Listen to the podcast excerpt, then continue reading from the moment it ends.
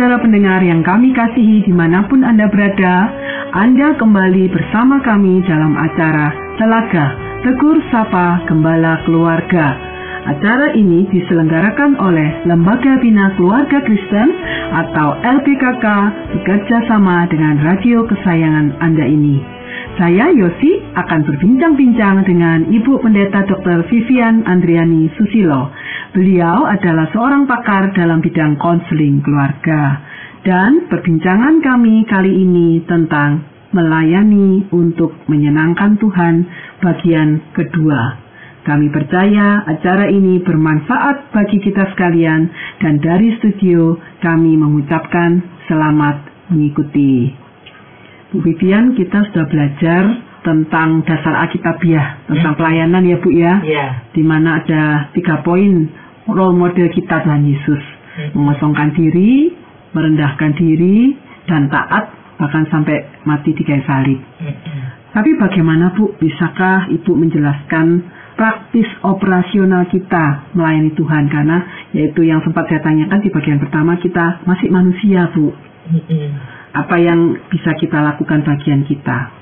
Nah ini saya mau ambil dari apa yang dikatakan di 1 Petrus pasal 5 mulai ayat 2 dan 3 di sini adalah bagaimana kita melayani. Ini adalah Rasul Paulus menganjurkan seperti kita ini mengembalakan. Dikatakan, gembalakanlah kawanan domba Allah yang ada padamu. Jangan dengan paksa, tetapi dengan sukarela, sesuai dengan kehendak Allah. Dan jangan karena mau mencari keuntungan, tetapi dengan pengabdian diri. Janganlah kamu berbuat seolah-olah kamu mau memerintah atas mereka yang dipercayakan kepadamu, tetapi hendaklah kamu menjadi teladan bagi kawanan domba itu. Jadi di sini kita melihat pelayanan kita ini ditujukan untuk siapa? Dikatakan gembalakanlah mereka dengan sebenar hati sebagaimana diinginkan oleh Allah dan jangan dengan berat hati. Jadi kita mau melihat motifnya kita pelayanan ini adalah yang kita ini mau dengan senang hati, Hmm. bukannya dengan berat hati. Hmm. Kita memangnya mau menyenangkan Tuhan. Yang diinginkan oleh Tuhan jangan dengan berat hati. Kita tahu kalau orang itu senang hati itu kan ya sudah saya mau, Hmm. sudah senang hati. Willingly gitu ya, Willingly, Tuhan. ya apa aja saya mau, Hmm. gitu. Hmm. Jadi nggak melihat ada kriterianya Hmm. ini itu. Jadi kita mau senang hati. Nah orang berat hati itu kalau kita nyuruh aja nyuruh minta bantuan seseorang ngomong aja kita ini mau ngangkat barang, tak ini aja atau Hmm. apa-apa, kita nggak bisa ngangkat sendiri, minta tolong orang.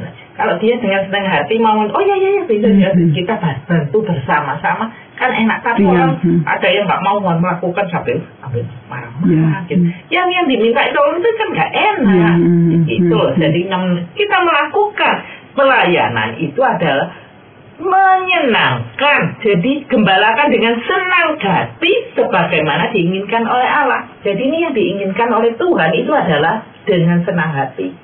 Bukannya dikatakan dengan berat hati. Kalau dengan berat hati itu berarti kan terpaksa. Ya, Ya. hmm. Nah, di, dengan senang hati dengan kata lain mau melakukan yang terbaik. Jadi terbaik itu apa? Yaitu yang ada pada diri kita mau melakukan tidak dengan terpaksa. Ini Tuhan Allah juga mengatakan pada kita kita perlu mengasihi Allah dengan apa? Dengan segenap hati, dengan segenap jiwamu, lalu dengan segenap kekuatanmu, ya, dengan segenap apa yang ada padamu ini kita berikan pada Tuhan. Senang hati ini berikan yang terbaik, bukan terpaksa. Jadi kalau terpaksa ini, aduh rasanya Hmm, berat, ya.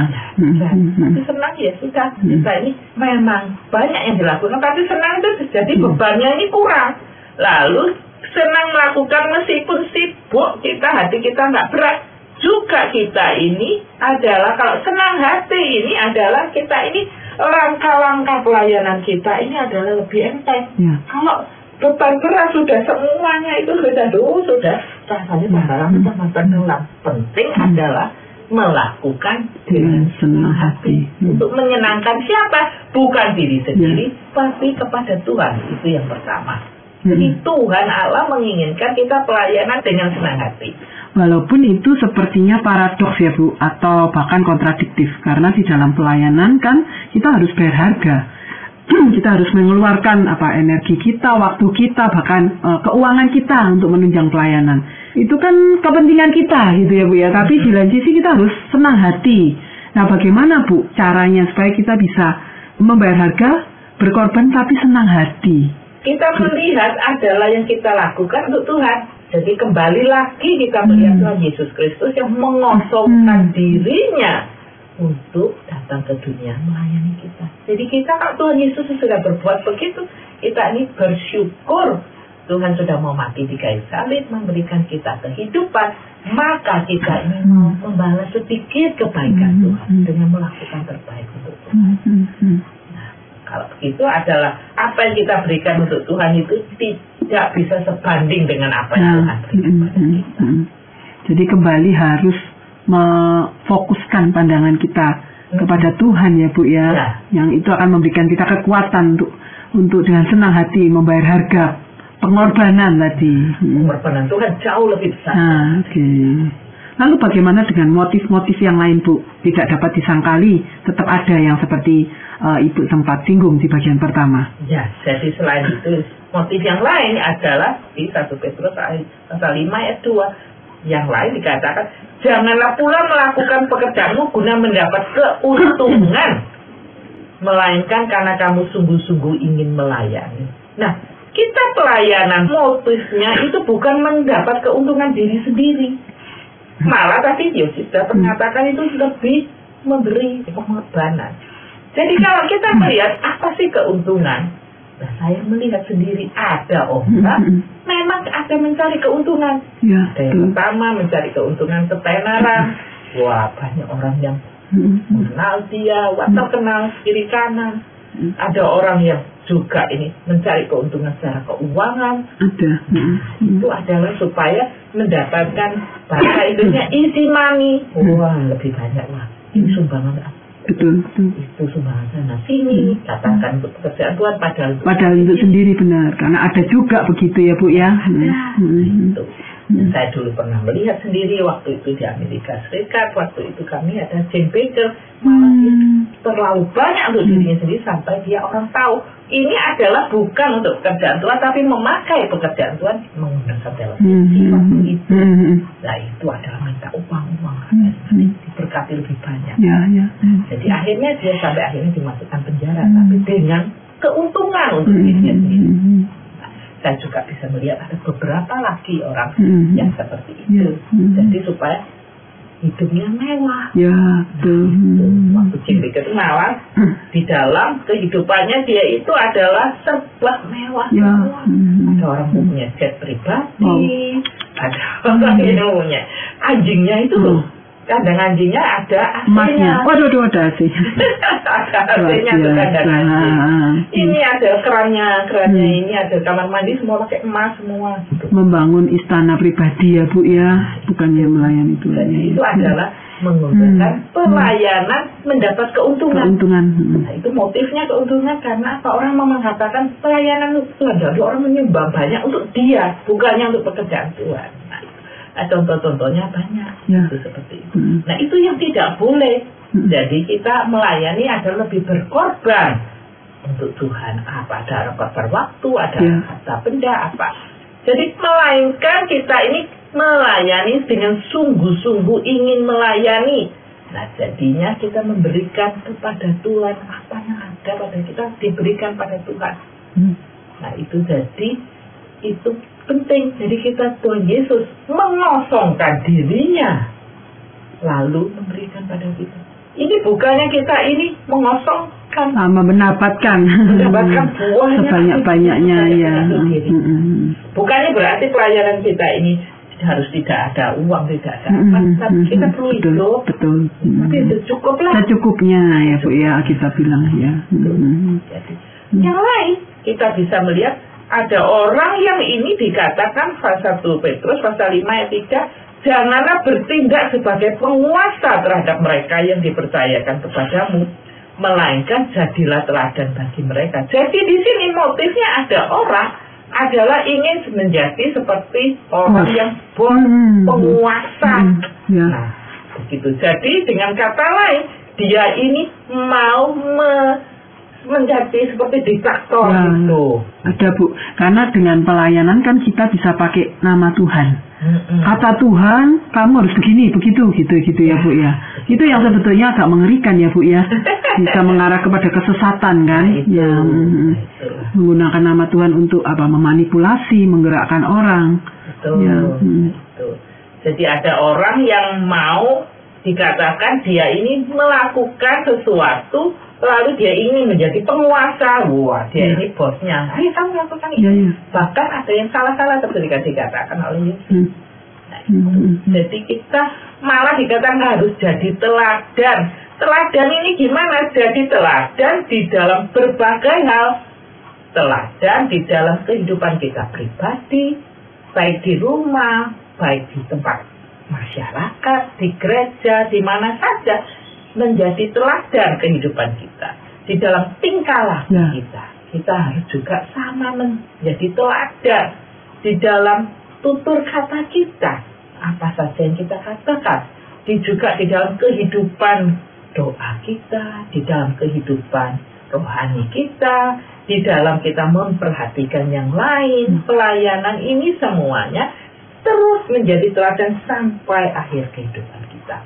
Nah, ini adalah menjadi teladan bukan hal yang gampang. Hmm. Ya gimana? Waktu hal ada yang membuat kita jengkel, wah, apa kita lalu menjadi tukang marah, coret-coret ke iya. sana Hmm, hmm, Wah, hmm. kita tidak bisa mengendalikan diri, Diri, hmm. malah melakukan kekerasan.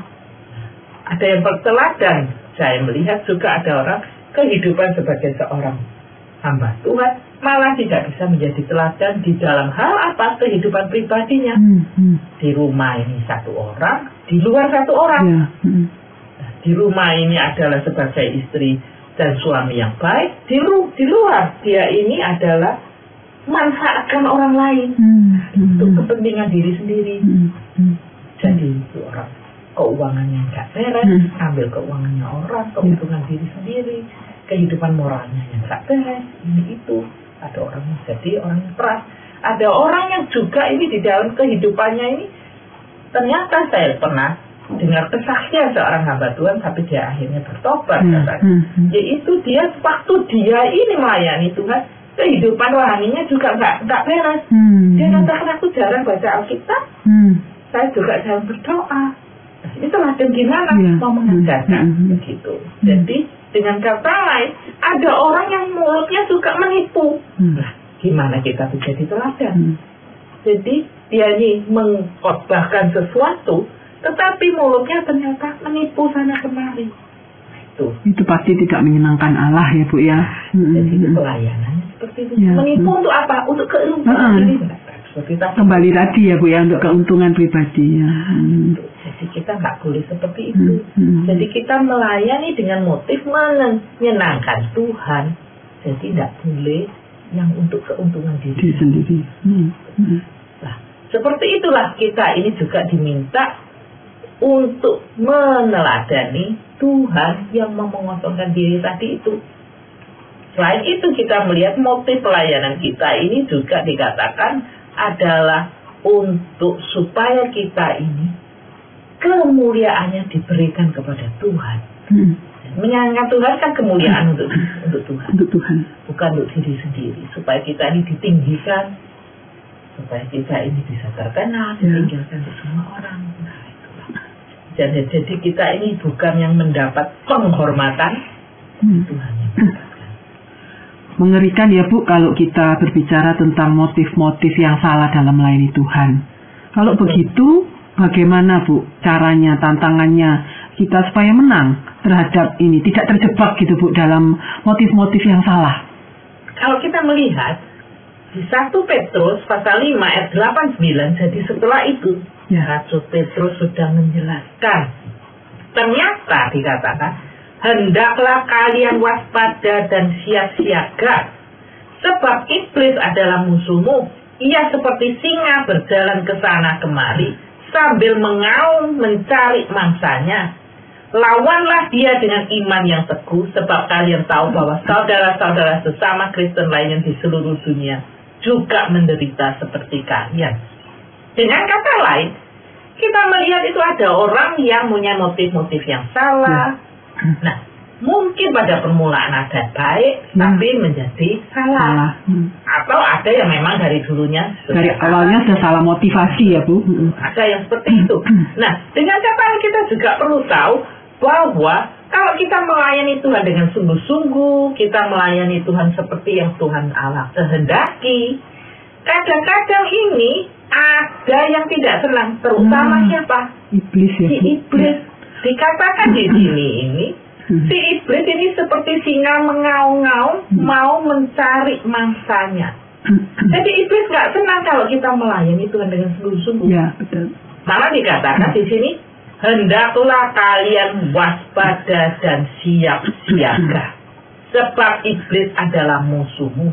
Dia ini ingin supaya orang yang melayani Tuhan, ini kalau bisa jatuh. Ya Kalau bisa di, ditarik ke jalannya dia. iya, ditarik ke jalannya dia, dikatakan sambil mengaun lalu menjadi mangsanya iblis.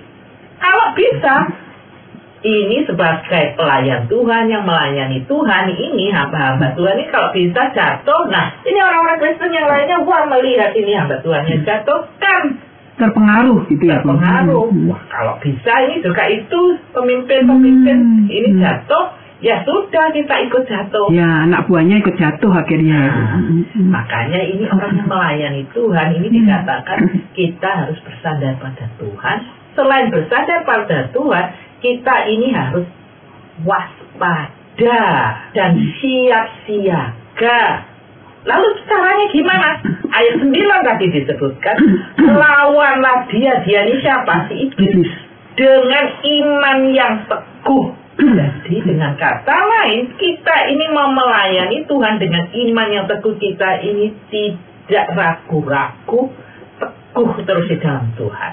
Jadi melawan dan kalau bisa dilawan ini adalah disingkirkan ya, dengan kuasa Yesus Kristus. Jadi ini peperangan rohani ya Bu. Ya, Hmm. jadi kita mau tahu bahwa kita apa yang kita lakukan ini adalah untuk Tuhan. Tuhan memberi kekuatan. Hmm. Tuhan Yesus sendiri juga dicoba oleh iblis. Kalau bisa iblis ini juga mau mencobai Ya, ya. Hmm, hmm, hmm. kita lawanlah tinggalkan Mm-mm. semua si iblis kita menjadi kekuatan daripada Tuhan jadinya kita bisa menang Benar. Dan dengan tahu musuh kita, itu bukan musuh kita, itu bukan orang-orang yang mungkin menjengkelkan kita, membuat kita kecewa ya Bu. Nah, Tapi musuh kita itu si jahat, si iblis yang mau menjatuhkan kita, mungkin kita bisa perangnya itu lebih tepat sasaran. Ya. Hmm. Oh, itu luar biasa Bu. Terima kasih untuk penjelasannya. Hmm. dengan dengan lain, lain hal juga kita ini tahu bahwa itu juga bisa menggunakan orang-orang lain kita menjebak kita Hmm, ya betul. jadi waspada sebelum dijebak itu Hmm. nggak mau Ya. Nah, benar. kalau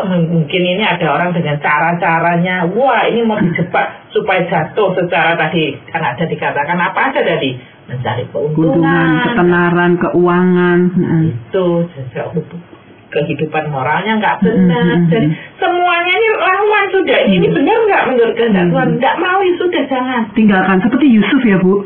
Waktu dicobai sama istri Potifar langsung lari meninggalkan. Iya, Hmm. jangan nggak mau. Hmm. Gitu. Jadi untuk secara yang keuangan juga nggak mau Hmm. untuk semuanya itu. Jadi kita tolak. Ya, ya.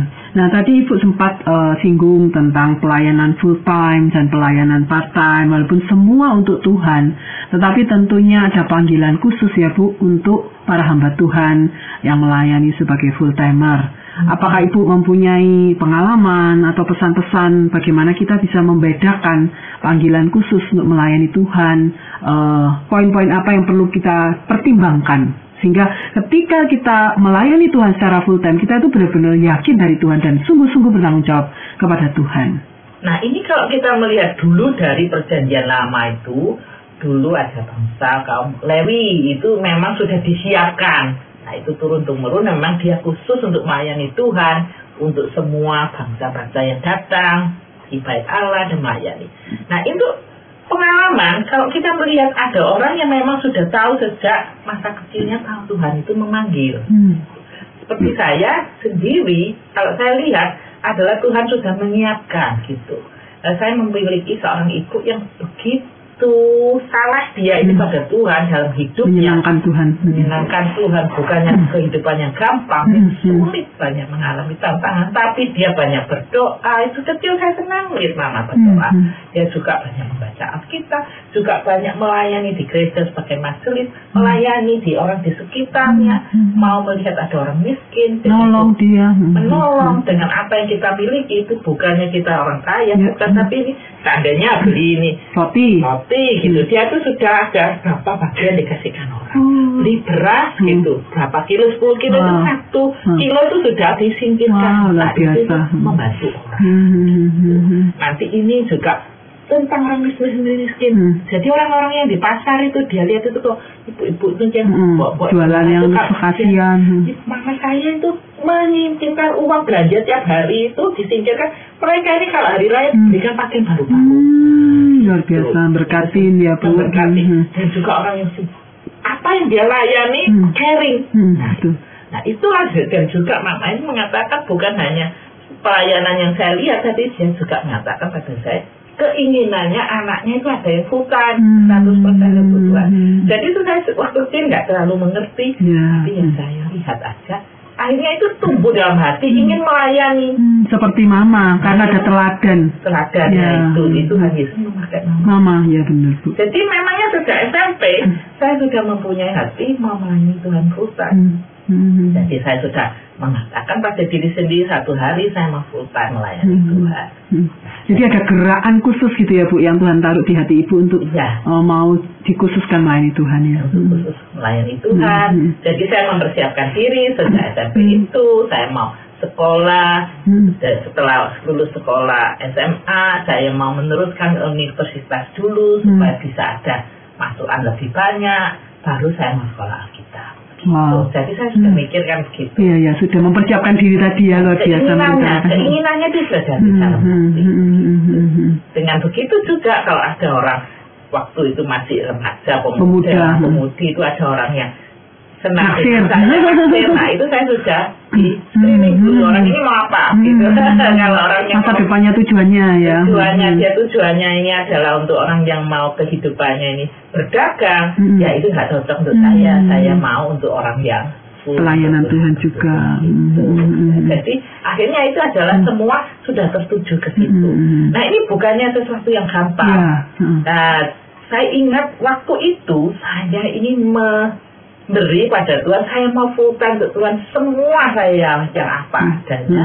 Saya persiapkan sebaik mungkin secara akademis, secara dalam diri saya hmm. mau untuk Tuhan. Hmm. Tapi saya punya satu pada Tuhan. Hmm. Tuhan saya mau suruh apa aja saya mau, cuma satu saya nggak mau.